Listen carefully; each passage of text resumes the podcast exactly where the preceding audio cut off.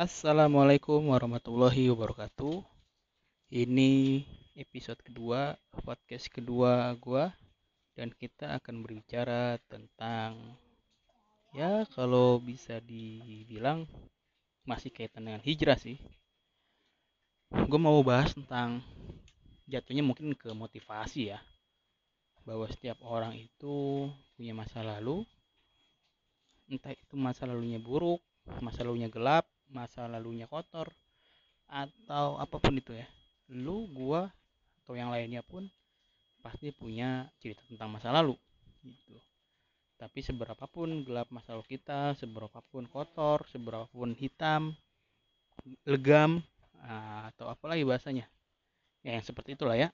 Seberapa buruk masa lalu kita seberapapun buruk masa lalu kita kita masih punya masa depan yang cerah kita masih punya masa depan yang suci. Kalau kata Mario Teguh begitu.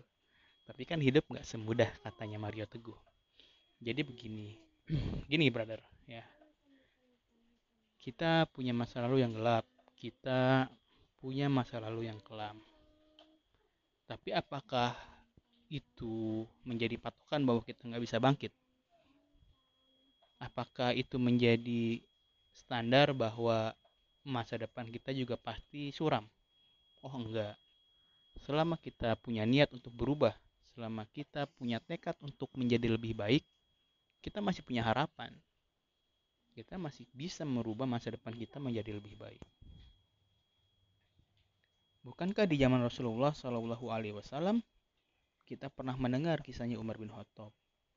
Beliau adalah salah satu orang yang boleh dibilang menjadi pemuka bangsa Quraisy yang pada saat itu justru memusuhi Rasulullah, memusuhi dakwah Islam. Ya, beliau salah satu preman.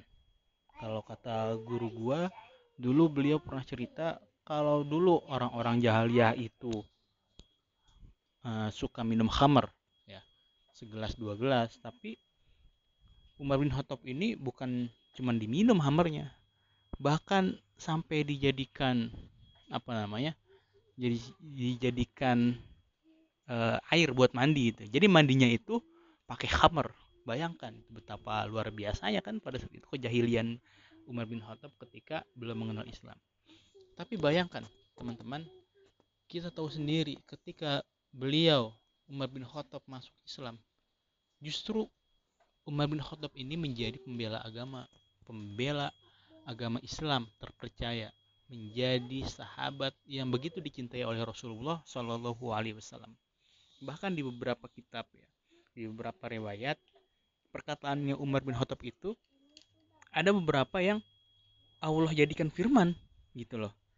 Ya, an gue lupa ya surat apa aja, tapi itu dicatat di dalam bukunya Imam Syuuti dalam Tarikh Khulafa. Itu dicatat beberapa perkataan Umar bin Khattab yang kemudian Allah berfirman uh, se apa namanya seolah-olah itu seperti mengulang perkataan di Umar bin Khattab. Wah, berarti kedudukan beliau ini luar biasa ya di sisi Allah dan Rasulnya. Nah, kita nih sama gitu loh. Kita punya masa lalu yang buruk, kita punya masa lalu yang kelam, kita punya masa lalu yang kotor. Bukan berarti ke depannya kita akan terus-terusan berada dalam zona yang kotor, berada di dalam situasi yang gelap, berada di dalam keburukan terus-menerus. Oh, enggak itu tadi Umar bin Khattab bisa bangkit ya dari kejahiliahan menuju cahaya Islam menjadi pembela kebenaran. Bahkan ketika beliau menjadi pemimpin beliau memiliki hati yang begitu lembut luar biasa. Beliau sampai kemudian keliling keluar malam ngecek satu persatu keadaan rakyatnya. Kalau istilah sekarang tuh belusukan ya. Tapi bukan belusukan model pemimpin saat ini gitu loh kalau dulu tuh nothing tulus emang benar-benar belusukan. Lihat keadaan rakyatnya satu persatu. Mana nih yang rakyat rakyatku yang nggak bisa makan ya. Yang nggak bisa tidur gara-gara kelaparan. Oh ternyata ada. Pas dicek betul itu orang kesusahan. Sampai kemudian akhirnya Umar bin Khattab mengendong gandum dari Baitul Mal. Sampai sahabat yang lain berkata wahai Umar bin Khattab wahai sahabat wahai Amirul Mukminin biar aku saja nih yang menggotong gandum yang kata Umar bin Khattab enggak enggak usah.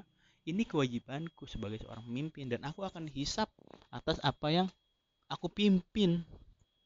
Nah itu Umar bin Khattab bisa berubah. Ada lagi kisah dari sahabat Ikrimah Ikrimah bin Abu Jahal.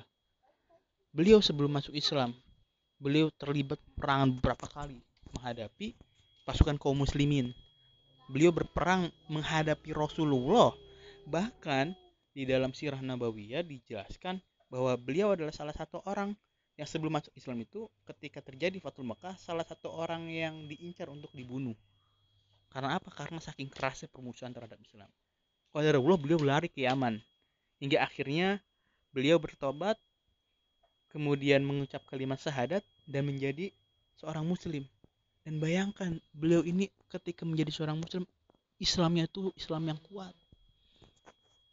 Di perang Hunain ketika para sahabat yang lari yang lain itu lari ya akibat dari serangan. Uh, musuh-musuh Islam pada saat itu Ikrimah lah sahabat Ikrimah lah yang menjadi motivator yang kemudian mereka meneriaki para sahabat yang lain untuk kembali bertempur untuk kembali berperang di jalan Allah dan membela Rasulullah Shallallahu Alaihi Wasallam. Bayangkan brother ini orang dulunya penjahat ya. Dulunya ingin membunuh Rasulullah memusuhi Islam bahkan sudah hampir dibunuh gitu kan. Ibaratnya stempel stempel halal darahnya itu sudah nempel di ikrimah sebelum beliau masuk Islam.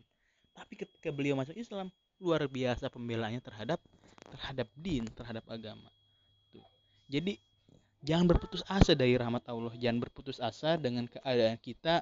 Ya mungkin kita dulu punya masa lalu yang kelam lah ya. Kita punya masa lalu yang kotor gitu. Kan kita juga sering dengar tuh cerita tentang seorang pelacur yang dimasukkan ke dalam surganya Allah. Karena apa? Karena menolong seekor anjing yang kehausan eh bukan berarti lu harus jadi pelacur dulu baru lu kemudian bertobat dan masuk surga. Enggak. Artinya ketika dia ada niat untuk berubah menjadi lebih baik ya capai itu dengan kesungguhan. Nah niat dan kesungguhan itu nanti akan dicatat oleh Allah sebagai amal kebaikan. Ya. Kan kita sering tuh kalau khutbah Jumat ya sebelum sebelumnya tuh kita pasti dengar ya ayuhalladzina amanu apa namanya? Ya ayuhalladzina amanu taqullaha haqqa tuqatih wa antum muslimun.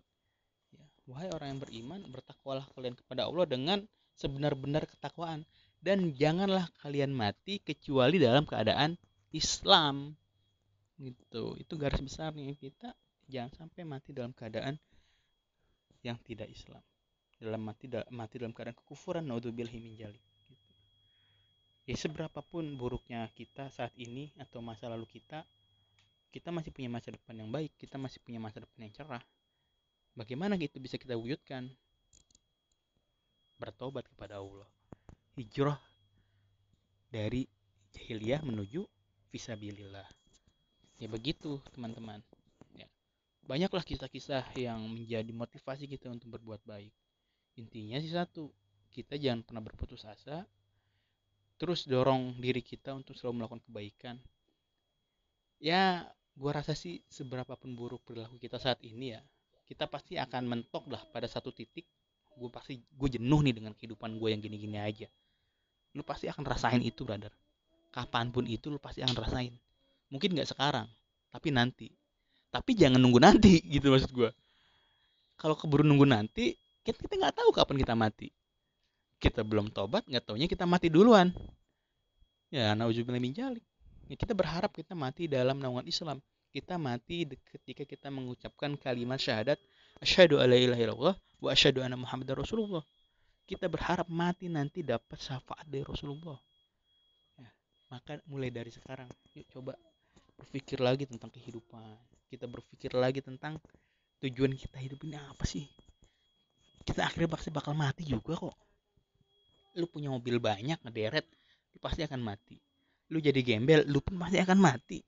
Cuman yang beda yang membedakan adalah kualitas kematian itu. Lu punya mobil banyak kalau lu nggak berislam kalau lu nggak bertobat di jalan Allah kalau lu nggak kemudian berjuang untuk agama Allah ya akan sia-sia hidup lu. Tapi walaupun kita nggak punya uang walaupun kita hidupnya jangkrik ya sekalipun kita hidupnya jangkrik tapi kita membela Allah membela agama Allah membela Rasulullah kemudian hidup di dalam jalan agama Islam menjadi orang yang mendakwakan Islam insya Allah kita kita mati dalam keadaan yang baik. Karena harapan kita itu salah satunya adalah mati dalam keadaan husnul khotimah. Itu adalah nikmat yang luar biasa kawan. Ya. jadi untuk podcast kali ini gue cuma bisa apa ya ngasih bukan nasihat sih jatuhnya siapa gue gitu ngasih nasihat ke teman-teman. Ya cuma berbagi kisah lah bahwa hidup ini sebentar brother.